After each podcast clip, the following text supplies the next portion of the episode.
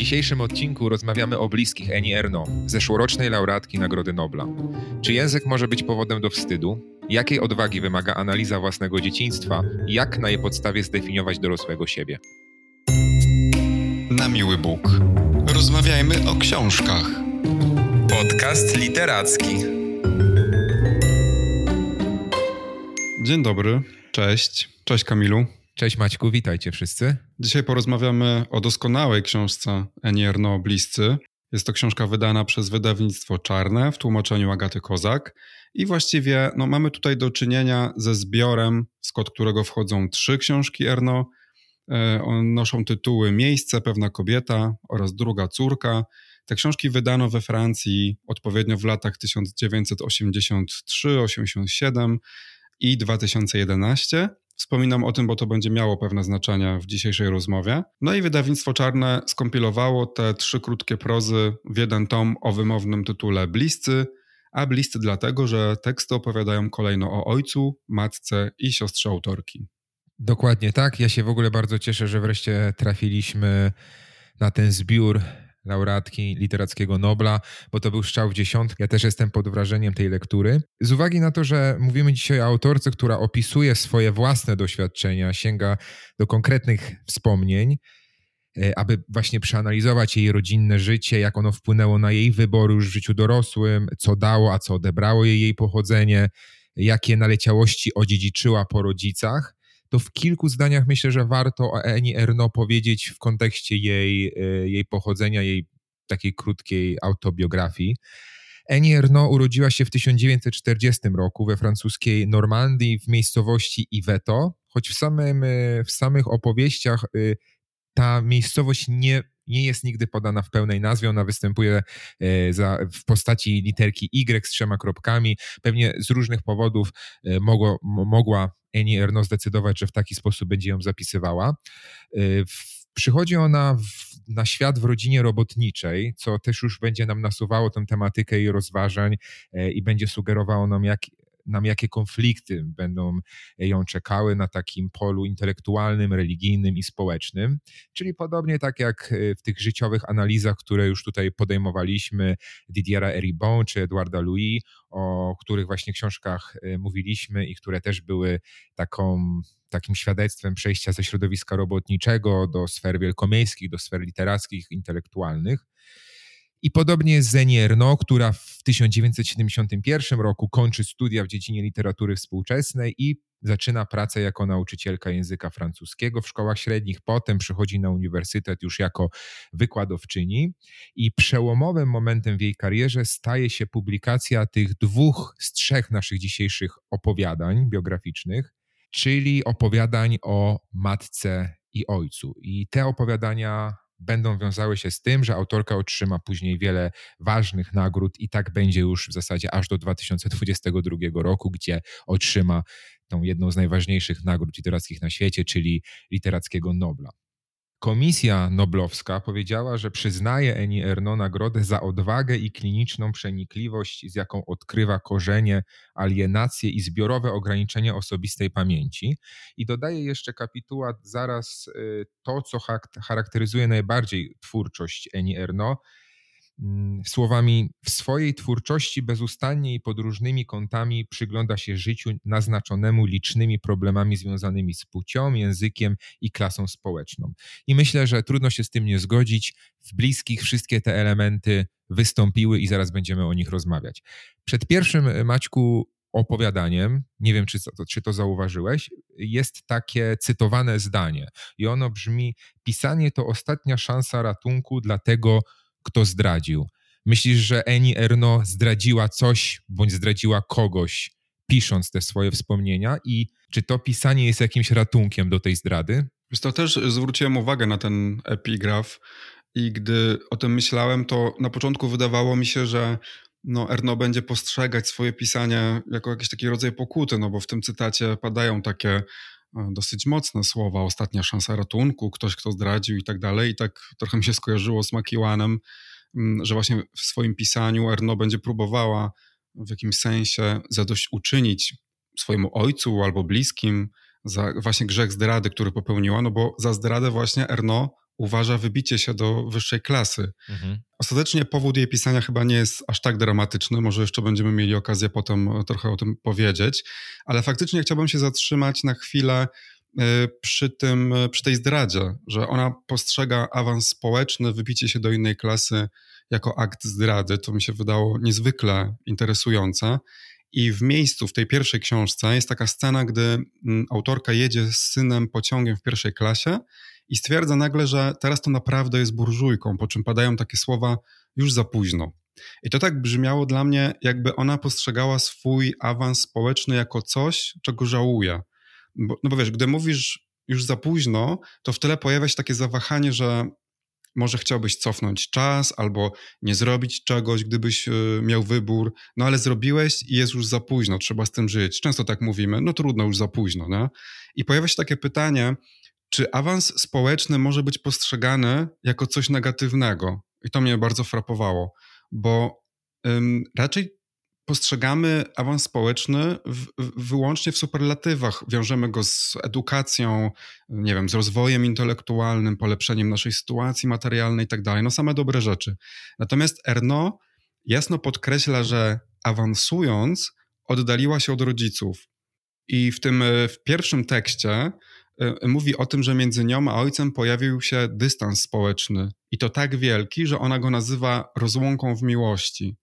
Czyli Możemy powiedzieć, że Erno awansowała społecznie, wbiła się do wyższej klasy i przez to tak bardzo oddaliła się od swojego ojca, że miało to dla niej pewne konsekwencje emocjonalne. Nie? I to był strasznie smutny moment e, w tym tekście dla mnie, bo on mi uzmysłowił, że awans społeczny może nam zadać wielki ból, bo na przykład możemy się przestać rozumieć z naszymi rodzicami, e, możemy ich zacząć postrzegać właśnie nie jako e, bliskich, tylko jako ludzi obcych, i wcześniej czytaliśmy Eribon i Louis i chyba dopiero teraz w książkach Ernaud to mi się tak zamanifestowało w takiej formie, bo mam wrażenie, że oni nie pisali o awansie społecznym w takich właśnie kategoriach. Oni jednak e, pisali o tym, że jadą z metropolii na tą francuską prowincję i tam um, jedynie konfrontują się ze swoją rodziną.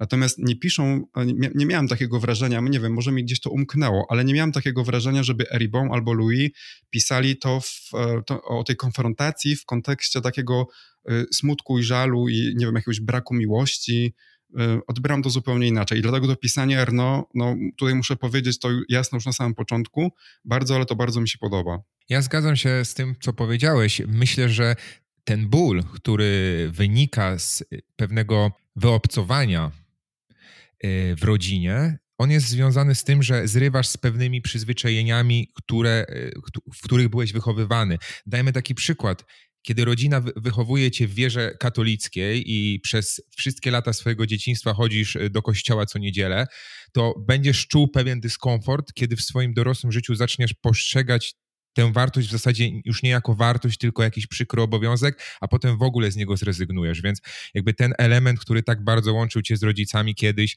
e, będzie teraz elementem jakiś zupełnego niezrozumienia. Y, I teraz jeszcze pytanie do drugiej części tego zdania, bo pisanie to ostatnia szansa ratunku y, do, względem tej zdrady. Więc y, tak, ja zgadzam się z tym, że Erno czuje się nieswojo i uważa to za coś bolesnego, za coś negatywnego, za zdradę. Natomiast to pisanie jest pewnego rodzaju taką dogłębną analizą tego, skąd się biorą pewne przyzwyczajenia, pewne wartości y, w rodzicach, a dlaczego one nie występują już albo zmieniają się w zupełnie inne wartości w przypadku dzieci. I to pisanie jest na tyle dogłębne, na tyle y, solidne, że, że jakby tłumaczy całą tą bazę, ten, ten background, który właśnie manifestuje się w przyjmowaniu konkretnych wartości. Dlatego Erno, mimo że ocenia surowo w tej książce rodziców, często robi to bezkompromisowo. Ona usprawiedliwia ich w jakiś sposób, że pochodzą z takich sfer, dlatego myślą w ten sposób. Mhm, zgadzam się w pełni. I ona jeszcze też pisze chyba po to, żeby w głównej mierze zrozumieć siebie. No to jest takie może trochę banalne, bo wielu, wiele pisarek i wielu pisarzy pisze właśnie po to, aby dowiedzieć się więcej o sobie, prawda? Ale niech dowodem na to będą i takie liczne momenty zastanowienia, których jesteśmy świadkami, bo warto zwrócić uwagę też na to na przykład, że gdy ona pisze, to stawia sobie jakieś pytania i nie robi tego poza tekstem, tylko właśnie w tekście. Jesteśmy świadkami tego, jak ona poszukuje i jak jest zagubiona. I też podejrzewam, że ona w pisaniu widzi jakąś taką nadzieję na, na ukojenie, bo to jest tak, że gdy dopuszczasz się zdrady jakiejkolwiek przecież, no to jedyne, czego chcesz później, to, to chcesz takiego zaznania spokoju. I ona gdzieś w tych słowach tego spokoju szuka. Tam też chyba pada nawet takie zdanie, że, że mój projekt ma charakter literacki, ponieważ polega na poszukiwaniu prawdy o matce, prawdy, do której można dotrzeć jedynie poprzez słowa. To znaczy, że właściwie słowa są jedynym, jedynym takim nośnikiem prawdy. Na przykład nie można polegać na, na własnej pamięci za bardzo. Też dużo jest takich e, zdań o pamięci, o wspomnieniach, jak bardzo są zawodne. E, a teraz właśnie znalazłem to zdanie, którego tak naprawdę szukałem, że piszę być może dlatego, że nie mieliśmy sobie nic więcej do powiedzenia. Nie? Po prostu zabrakło w pewnym momencie wspólnego języka już między, między nią a rodzicami i pisanie zostało być może no, jedyną drogą do wyrażenia tego, co się chciało powiedzieć, a nie było innej możliwości, żeby to zrobić. Tak, i bardzo dobrze, że Erno tak pisze, bo naprawdę pisze fenomenalnie, y, a ma też o czym pisać, bo te dzieje jej, mm, jej rodziny, tych najbliższych pokoleń są bardzo zmienne. Tutaj trzeba powiedzieć, że z każdym kolejnym pokoleniem, od jej dziadków przez rodziców aż do niej, te zmiany statusu życiowego, stylu życia bardzo, bardzo są znaczące i kaskadowe. Chodzi mi zarówno o status, ale też o pracę, jakich podejmowały się poszczególne generacje w jej rodzinie, ale też y, o stosunek do kultury, bo on też był bardzo zmienny z pokolenia na pokolenie. Dziadkowie Erno na przykład byli rolnikami i dla dziadka najważniejsza, najważniejsza była kultura rolna. Y, sam nie czytał, nie pisał i nawet było wspomniane, że denerwował się, gdy ktoś w domu to robił. Później e, mieliśmy do czynienia z ojcem autorki, który robił właśnie wszystko, by tym rolnikiem nie zostać, e, więc jego celem było nabycie nieruchomości i stanie się handlowcem. E, I stąd też rodzice Erno przez długi czas prowadzili sklep i, i restaurację.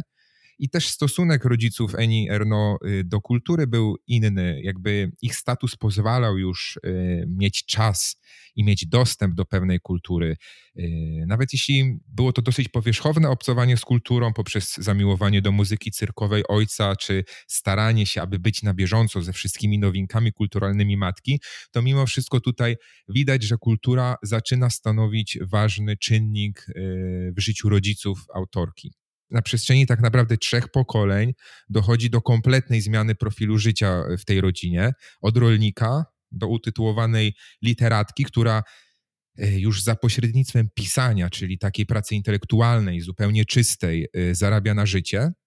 E, I z jednej strony to jest bardzo zaskakujące, żeby w przeciągu tak krótkiego czasu dokonały się takie zmiany, żeby jedna generacja potrafiła tak bardzo zmienić swoje życie w porównaniu jeszcze do generacji wstecz. Ale z drugiej strony to też jest jakby charakterystyczne dla tego okresu e, dla francuskiej społeczności w ogóle, albo przynajmniej dla jakiejś jej części. E, I jakby tutaj e, życie rodziny Eni Erno pewnie znalazłoby jeszcze analogiczne przykłady w innych francuskich rodzinach. A wiesz, co dla mnie też było najciekawsze w tym przyglądaniu się jej rodzinie? Te takie momenty przejściowe. Tam występuje coś takiego jak taki, nie wiem, czy tak możemy to nazwać, dualizm klasowy, którego ta rodzina doświadcza. Chodzi mi o to, że oni są trochę jeszcze jedną nogą w jednej klasie, a drugą już gdzieś próbują awansować. To jest to, co też przytrafia się przecież samej Erno. Ona na przykład o swoim ojcu pisze, że pół sklepikarz, pół robotnik, jednocześnie stąd i stamtąd, a więc skazany na samotność i nieufność. Tak tylko dodam tutaj e, didaskalia, że będę dzisiaj e, dużo cytować, bo dawno sobie nie zaznaczyłem tak dużo fragmentów czytając książkę. Ale wracając do sedna, ona mówi o tym, że ten ojciec nie mógł się do końca określić, choćby nawet politycznie, bo z jednej strony nie należał do związków zawodowych, no bo w pewnym momencie sam otworzył biznes i że tak, ja też piszę o tym, że tak samo bał się przemarszów e, Ognistego Krzyża, to jest taka organizacja y, skrajnej prawicy, nacjonalistyczna, francuska, ale bał się też czerwonych, jak pisze Arnaud, którzy mogliby mu zabrać majątek, no bo nagle stał się sklepikarzem i już nie stał po stronie robotników. I ja zwróciłem uwagę na to, że tak trochę może opowieściowo analizuje te postaci występujące w, w książkach Herno, chociaż są oczywiście postaciami autentycznymi, ale że jej rodzice są bardzo złożeni, oni są pełni sprzeczności. E, I tak samo na przykład matka, która z jednej strony krzyczy mówi takim podniesionym głosem, co jest niby charakterystyczne dla takich e, niższych klas. E, wszystko ją irytuje, rzuca przedmiotami, bo nie potrafi ich odłożyć po cichu, a z drugiej strony uważa na przykład, że nie ma nic piękniejszego niż wiedza, chce się kształcić, ma taką żądzę poznawania nowych rzeczy. E, tam też utkwiło mi w pamięci, że myje ręce przed dotknięciem książek, bo to są jedyne przedmioty, które tak naprawdę szanuje. Później ta różnica między ojcem a matką, to też już e, powiedziałeś o tym. Erno pisze, że mój ojciec nie ewoluował równie szybko jak matka i zachowywał nieśmiałą sztywność kogoś, kto za dnia jest robotnikiem. No dokładnie i, i myślę, że tak jak to powiedziałeś, rodzina pełna konfliktów wewnętrznych, właśnie wynikających z tego, że to jest takie wczesne przechodzenie z jednej klasy do drugiej, czyli jakaś taka ewolucja wstępna dopiero, która nie jest, która nie ma jeszcze podłoża poprzednich pokoleń, które już w tym, e, w tym położeniu były. I, i to jest jeszcze coś nowego, nieodkrytego i, i stąd jakieś pewnie konflikty, o których, o których wspomniałeś, ale też fakt, że Erno zauważa te konflikty, y, te, te, te niezgodności wewnętrzne, to jest coś, co jest y, charakterystyczne dla naprawdę świetnych obserwatorów i ona y, taką obserwatorką jest. Ja ostatnio też zauważyłem, że fascynuje się literaturą wspominkową, że tak to nazwę, dlatego bliscy bardzo mi podeszli i, i bardzo niedawno rozmawialiśmy o Hołodzie, gdzie przecież główny bohater również pisał dziennik, w którym wspominał swoją historię e, i tworzył przez to na nowo swoją tożsamość, e, dochodził do niej, takiej głębszej, bardziej kompletnej, złożonej informacji o samym sobie. E, I właśnie ta analityczna strona wspomnień bardzo mnie fascynuje, bo ona tutaj u Erno też jest na jakimś takim wysokim poziomie i pozwala ona na odkrywanie starych wydarzeń na nowo, jakieś łączenie ich ze sobą w zakresie takiej długiej perspektywy, czyli analizy wydarzeń w dzieciństwie, już w życiu dorosłym. To spojrzenie szerokie na to, co się wydarzyło w naszym życiu, co robili nasi rodzice, nasze rodzeństwo, co było przerażające w naszej rodzinie, a co było z kolei takie wyjątkowe i piękne. To, to też pozwala na stworzenie jakichś takich schematów przyczynowo-skutkowych, dlaczego też jesteśmy, my jako my już, w tym miejscu, w którym jesteśmy i czy to jest właściwe miejsce, czy może, czy może nie.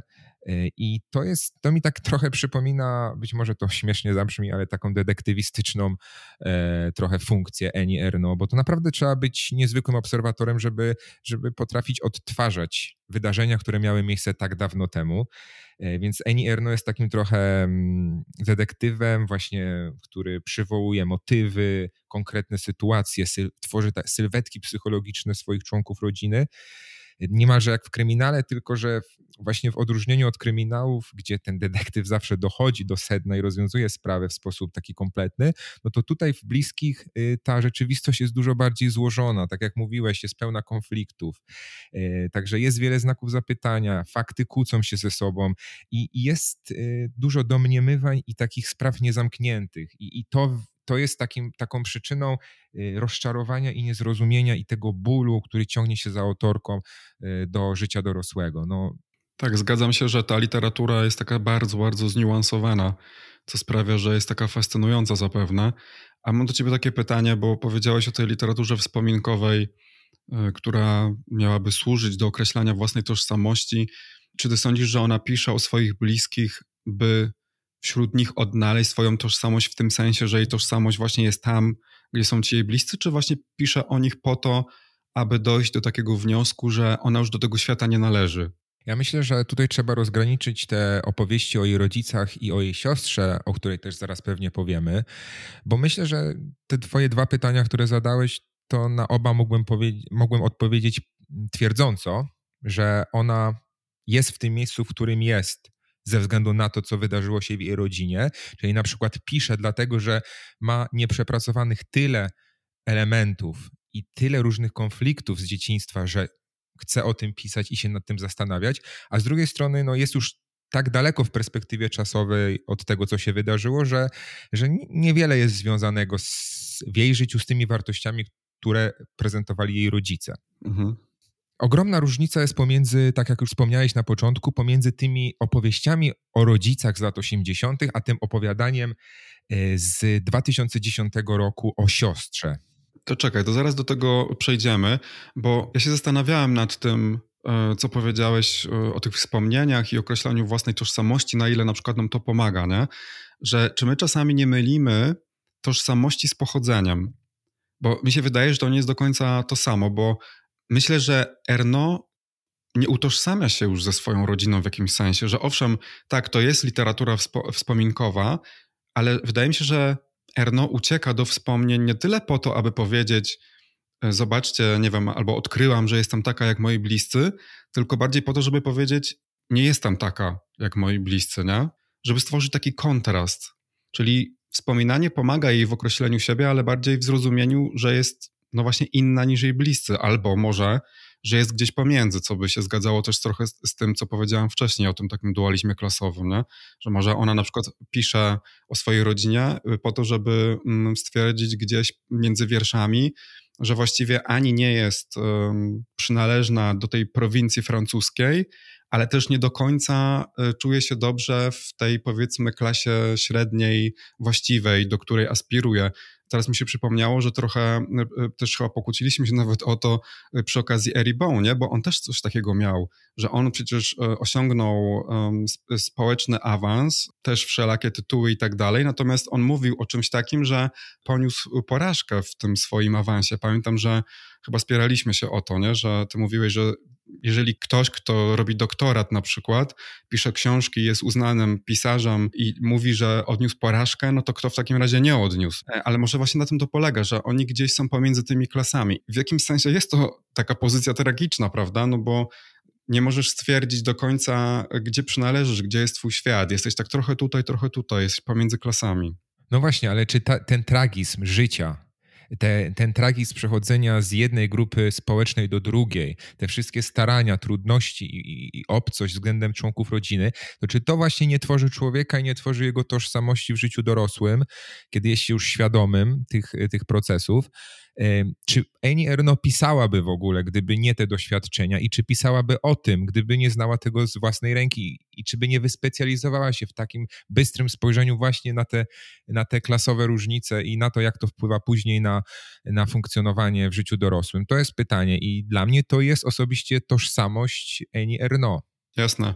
Natomiast y, ja bym jeszcze raz chciał podkreślić tutaj, że dla mnie w tej książce największym objawieniem właśnie było chyba to, że ten awans społeczny może być sytuacją tragiczną, czyli mhm. że cena, jaką za to płacimy, to mogą być na przykład nasze emocje, nie? czyli na przykład ten dystans społeczny, który buduje się między nami, na przykład a, a naszymi rodzicami i na przykład to, że tracimy język, bo kiedyś mieliśmy wspólny, a teraz nasz język tak bardzo się zmienił, że nie możemy się dogadać ze swoimi e, rodzicami. To jest dla mnie w ogóle najciekawsza rzecz e, w tej książce, bo, bo Erno w swoich wspomnieniach bardzo dużo miejsca poświęca językowi i tam pada takie zdanie nawet, że e, wszystko, co miało związek z językiem, stanowi w moich wspomnieniach powód do żalu i bolesnych szykan o wiele bardziej niż pieniądze. I przyznam, że to mnie zaskoczyło. To znaczy, że język wywarł na niej większe piętno niż sytuacja ekonomiczna.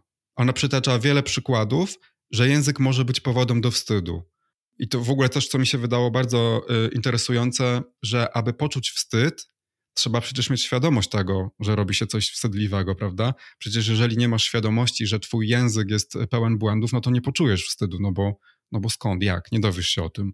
W jakimś sensie świadomość jest warunkiem koniecznym pojawienia się wstydu. Zresztą znamy to świetnie z pewnej historyjki, która ponoć miała miejsce w raju.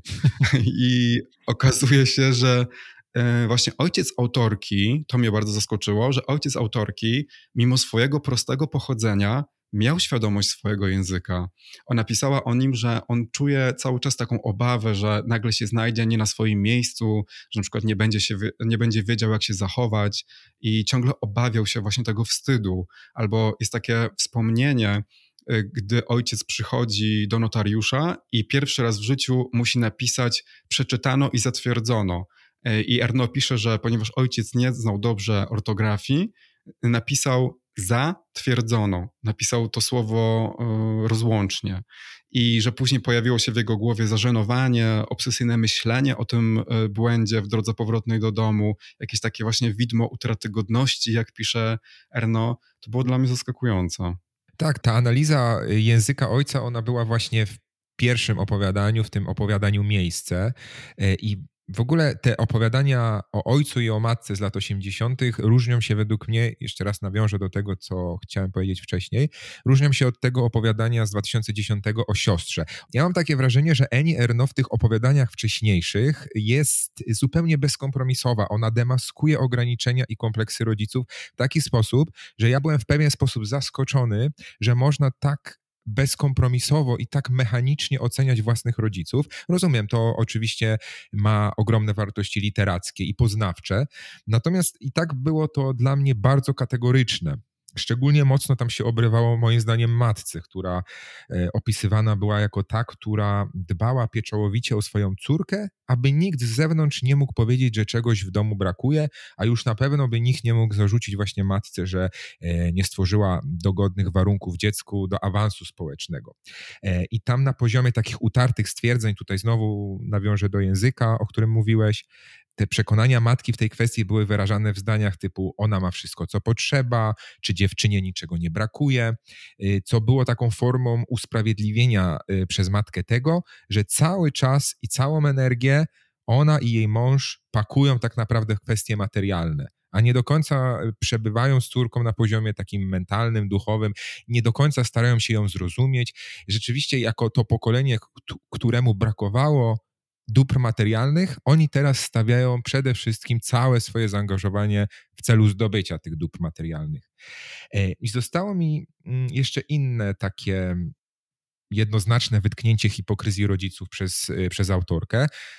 Ona spostrzegła, że dla niższych klas w hierarchii społecznej charakterystyczne było narzekanie na dyskomfort, jaki pojawia się po tej właśnie stronie mniej zamożnych, mniej wykształconych, kiedy obcują z przedstawicielami tak zwanych elit, czy choćby kla przedstawicielami klasy średniej. E, ona to spuentowała, że to jest wyjątkowo egocentryczne spojrzenie i niedostrzeżenie, że ta druga strona może czuć również dyskomfort z uwagi na to zakłopotanie, które wynika z tej pierwszej y, strony. Jest tam brak chęci lub odwagi do stworzenia jakiejś właściwej komunikacji pomiędzy ludźmi właśnie o różnych statusach. Y, a według Erno jej rodzice zawsze twierdzili, że istnieje czyjaś wina i leży ona zawsze po stronie tych dobrze sytuowanych. Tak określała ich matka. Więc jakby ten dyskomfort wynikający z ewentualnego zetknięcia się dwóch klas, on zawsze był spowodowany i był zawsze winą tej y, klasy bardziej uprzywilejowanej. Mhm. Ja tego się może odniosę do tego, co mówiłeś o tym, że jej rodzice mm, skupili się w głównej mierze na pomnażaniu majątku, że tak powiem, e, bo to właśnie też było dla mnie dosyć ciekawe, że tak właśnie się buntowało pokolenie naszych rodziców mhm. czy rodziców Erno, bo trochę jednak jesteśmy z innych pokoleń niż pisarka, ale powiedzmy, że Polska no jednak w porównaniu z Francją... Później to przyszło. Dokładnie, to później przyszło, więc może jest takie przesunięcie o to jedno pokolenie.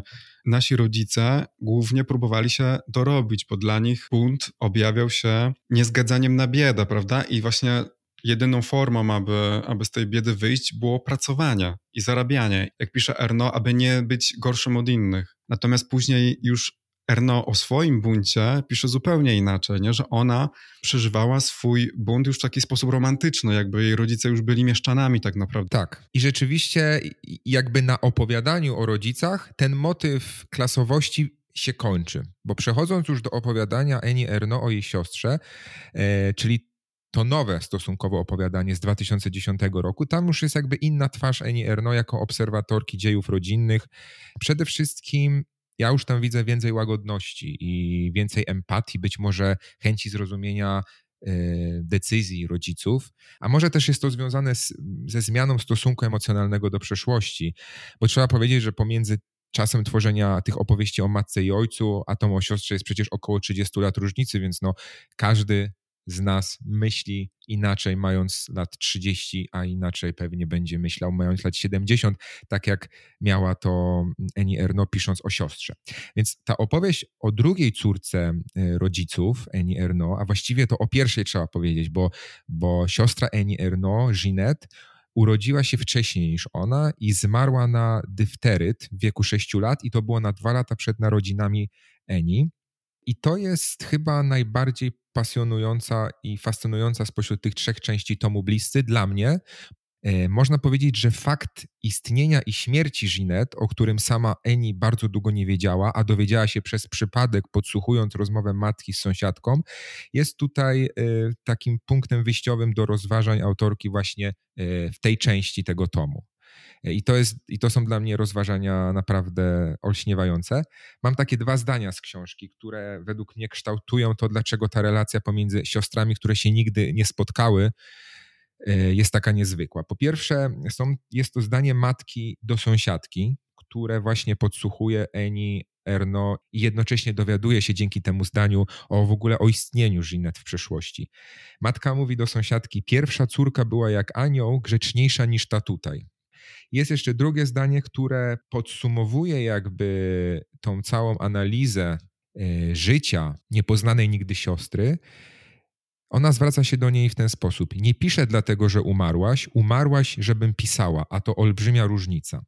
Więc Eni Erno zaczyna tutaj dostrzegać, że w jakiś sposób, a być może nawet w bardzo jednoznaczny sposób, e, jest jakby zastępczynią zmarłej siostry, e, bo przychodzi na ten świat prawdopodobnie właśnie dlatego, że poprzednia córka e, zmarła. I to przekonanie w niej kiełkuje, ono jest, ono jest powodem bardzo wielu rozważań. E, ale też jest to zdanie, że ona przyszła na świat dlatego, że tamta umarła, jest o tyle jednoznaczne, że analizuje też sytuację finansową rodziców, która nie była łatwa, więc jest bardzo duże prawdopodobieństwo, iż oni nie chcieliby mieć więcej niż jednego dziecka. Tak. I, i automatycznie więc przychodzi jej do głowy ta myśl, że ta miłość rodziców do jedynego dziecka, czyli do niej, okazuje się czymś zupełnie innym niż uczucie, w jakie wierzyła. E, i szczególnie kilka, że kilkakrotnie słyszy przez przypadek właśnie te niekorzystne dla siebie porównania do grzeczniejszej e, siostry. Ta trzecia część to są wspomnienia, to jest odtworzenie przeszłości, wyklarowanie pewnych zależności z niczego, bo nigdy nie było takiej, takiej zależności jak Eni Erno, jej siostra i rodzice. Oni nigdy ze sobą nie współżyli e, w jednym czasie, a jednak ona za pomocą słów, języka to zrobiła, więc ona próbuje stworzyć siebie w nowej roli siostry, której przecież właśnie nigdy w sensie dosłownym nie pełniła i znajduje te powiązania, co pozwala jej też odtworzyć samą postać siostry, można więc powiedzieć, że to jest pewnego rodzaju oddanie hołdu dla tej zmarłej dziewczynki, która tak bardzo wpłynęła na to, kim jest Erno dzisiaj i czym się w zasadzie zajmuje. Ona też to przyznaje wprost, też w tym zdaniu, które cytowałem. Ta forma też jest taka sprzyjająca pewnemu oddawaniu czci, bo to jest też forma listu do Ginette, prawda? Zgadza się. Ja w ogóle myślę, że też ta trzecia część chyba podobała mi się najbardziej. E, natomiast myślę, że ona dlatego też tak bardzo różni się od, od tekstów o rodzicach, nawet nie tylko z tego powodu, że jest napisana w zupełnie innych czasach, e, w zupełnie też innym momencie życia autorki, ale chyba w głównej mierze dlatego, że właśnie ona nigdy z tą siostrą nie obcowała, nigdy jej nie poznała. Jest coś takiego magicznego w tym tekście i też taka konkluzja właśnie, do której dochodzi Orno, to o czym powiedziałeś, to mi w ogóle przypomina wykłady Margaret Atwood, które omawialiśmy przy okazji książki o pisaniu, Atwood przecież wspomina tam, e, że pisanie jest tak schodzenie do świata zmarłych, że pisanie jest wskrzeszaniem zmarłych. Ja może przypomnę tylko, że w książce Atwood pojawiła się taka teoria Jorge Luisa Borgesa, który stwierdził, że Dante napisał boską komedię właśnie tylko po to, by mógł chociaż przez chwilę ujrzeć zmarłą Beatryczę, a więc tworzył swoje monumentalne dzieło tylko po to, aby ożywić ukochaną, by móc spędzić z nią trochę czasu E, choćby w swojej wyobraźni i przecież pada takie zdanie e, napisane przez Arno, czy poprzez ten list nie dążę do pewnej formy wskrzeszenia cię z martwych, wyzbytej jakiejkolwiek e, więzów ciała i krwi, a potem jeszcze zdanie, być może chciałam spłacić wyimaginowany dług, dając ci istnienie, które mnie dała twoja śmierć. Czyli co robi Erno? Pisze o swojej siostrze po to, aby w jakimś sensie takim literackim właśnie zmaterializowała się ta siostra na nowo, to jej życie. No, fascynujące to było i um, jeszcze taki jeden moment, który mnie tam bardzo poruszył, to to, że nie wiem, czy zwróciłeś na to uwagę, co prawda one się nie spotkały, to znaczy nie żyły nigdy w tym samym czasie, ale na przykład niektórzy członkowie rodziny mają w swoich głowach wspomnienia, jakoby Erno ze swoją siostrą spacerowały. Tak. E, tam się pojawia takie wspomnienie kuzynki Yvette, która mówi, że e, że przy ładnej pogodzie zabierała pani siostrę Ginette na spacer drogą prowadzącą przez Ternit de Mont. Więc to było e, absolutnie zaskakujące. Natomiast jak powiedziałeś o formie, formie listu, to chyba warto na koniec powiedzieć, że o tej książce bardzo dużo mówi się w kontekście znajdowania formy, odpowiedniej formy do pisania właśnie o swoich bliskich. E, I powiedziałbym właśnie, że Erno w tym tomie nie tylko opisuje swoją rodzinę, ale przede wszystkim szuka na to sposobu. To było dla mnie szalenie interesujące na równi właśnie z tymi rozważaniami klasowymi, bo ona szuka nie tylko słów, ale właśnie i samej formy. Zastanawia się po prostu, w jakich ramach można pisać o swoich zmarłych rodzicach, o swojej przedwcześnie zmarłej e, siostrze, chociażby przecież w miejscu w tej pierwszej prozie autorka zastanawia się na początku, czy może ten tekst o ojcu powinien mieć formę powieści. Mm, ostatecznie rezygnuje z tego pomysłu. I też myślę, że w ogóle warto zwrócić uwagę na fakt, że, że te wszystkie mm, teksty powstawały długimi miesiącami. Tam na końcu każdego tekstu mamy przedstawione ramy czasowe tekst o matce, który liczy sobie kilkadziesiąt stron, był pisany przez 10 miesięcy. I w jakimś sensie to się odwołuje też do tego, o czym rozmawialiśmy na początku odcinka o Hołodzie, czyli o tym, że wybitne umysły literackie mają taką łatwość pisania. Tymczasem okazuje się, że pisarka nagrodzona literackim Noblem z relatywnie krótkim tekstem zmagała się właściwie no niemal przez, przez rok i ona też pisze takie słowa, że na początku sądziłam, że będę pisać szybko. W rzeczywistości spędzam dużo czasu zastanawiając się nad kolejnością rzeczy do powiedzenia i tak dalej, i tak dalej, nad doborem i rozmieszczeniem słów, jak gdyby istniał dla nich jakiś idealny porządek. Czyli jakby widzimy, że jednak ten proces pracy z tekstem jest, y, jest trudny, nawet dla kogoś, kto ostatecznie otrzymuje największe literackie y, wyróżnienie. A jak już jesteśmy przy datach, to znamienny wydał mi się fakt, powiedziałeś o tym, że książki wchodzące w skład tego zbioru właśnie zostały napisane na przestrzeni niemal 30 lat. I to też mi się właśnie wydawało, że no, oznacza to jakiś pewien rodzaj braku gotowości do podejmowania takich tematów, że zwróćmy uwagę, ile czasu musiało minąć, aby Erno, nie wiem, czy dojrzała, czy nagle poczuła taką potrzebę, aby napisać tekst właśnie e, o swojej siostrze. I podejrzewam, że wcale nie było to dla niej trudne emocjonalnie, tylko oczywiście mogę się tutaj mylić, tylko wydaje mi się, że ta trudność wynikała z poszukiwania formy, że ona jakby nie wiedziała, jak ugryźć ten tekst, ten temat i ostatecznie zdecydowała się na taką dosyć zaskakującą, bym powiedział, formę listu do swojej zmarłej siostry.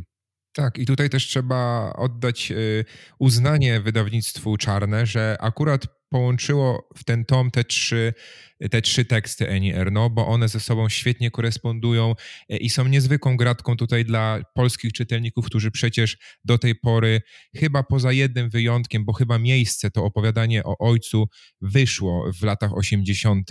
w Polsce. I fajnie, że to jest wydane w ten sposób, bo tak naprawdę moglibyśmy to czytać na przestrzeni lat. W tym momencie mamy tak, tak naprawdę kompletną, zamkniętą historię w tych trzech aktach. Tak, zgadza się. Też mi się bardzo to wydanie y, podoba. Oczywiście warto zwrócić uwagę na, na, pierwszą książkę Erno, która w Polsce się pojawiła, czyli na Słynne lata, bo to jest książka, która jest uważana za jej największe dzieło literackie, ale podoba mi się, co Michał Nogaś powiedział o bliskich, bo ujął to takimi słowami, że to jest książka pozwalająca lepiej zrozumieć, skąd wywodzi się Erno i dzięki jej przeczytaniu lepiej rozumie się tę biografię, którą Erno przedstawiła w książce Lata. E, przed nami jeszcze lata do przeczytania i właściwie e, po tym, co powiedział Nogaś, cieszę się, że czytamy to w takiej kolejności. Lepiej zrozumiemy opus magnum ani Erno. Dokładnie tak. Dzięki Maćku za rozmowę. Słyszymy się w kolejnym odcinku podcastu Na Miły Bóg. Do usłyszenia. Dziękuję bardzo, do usłyszenia. Na Miły Bóg. Rozmawiajmy o książkach. Podcast literacki.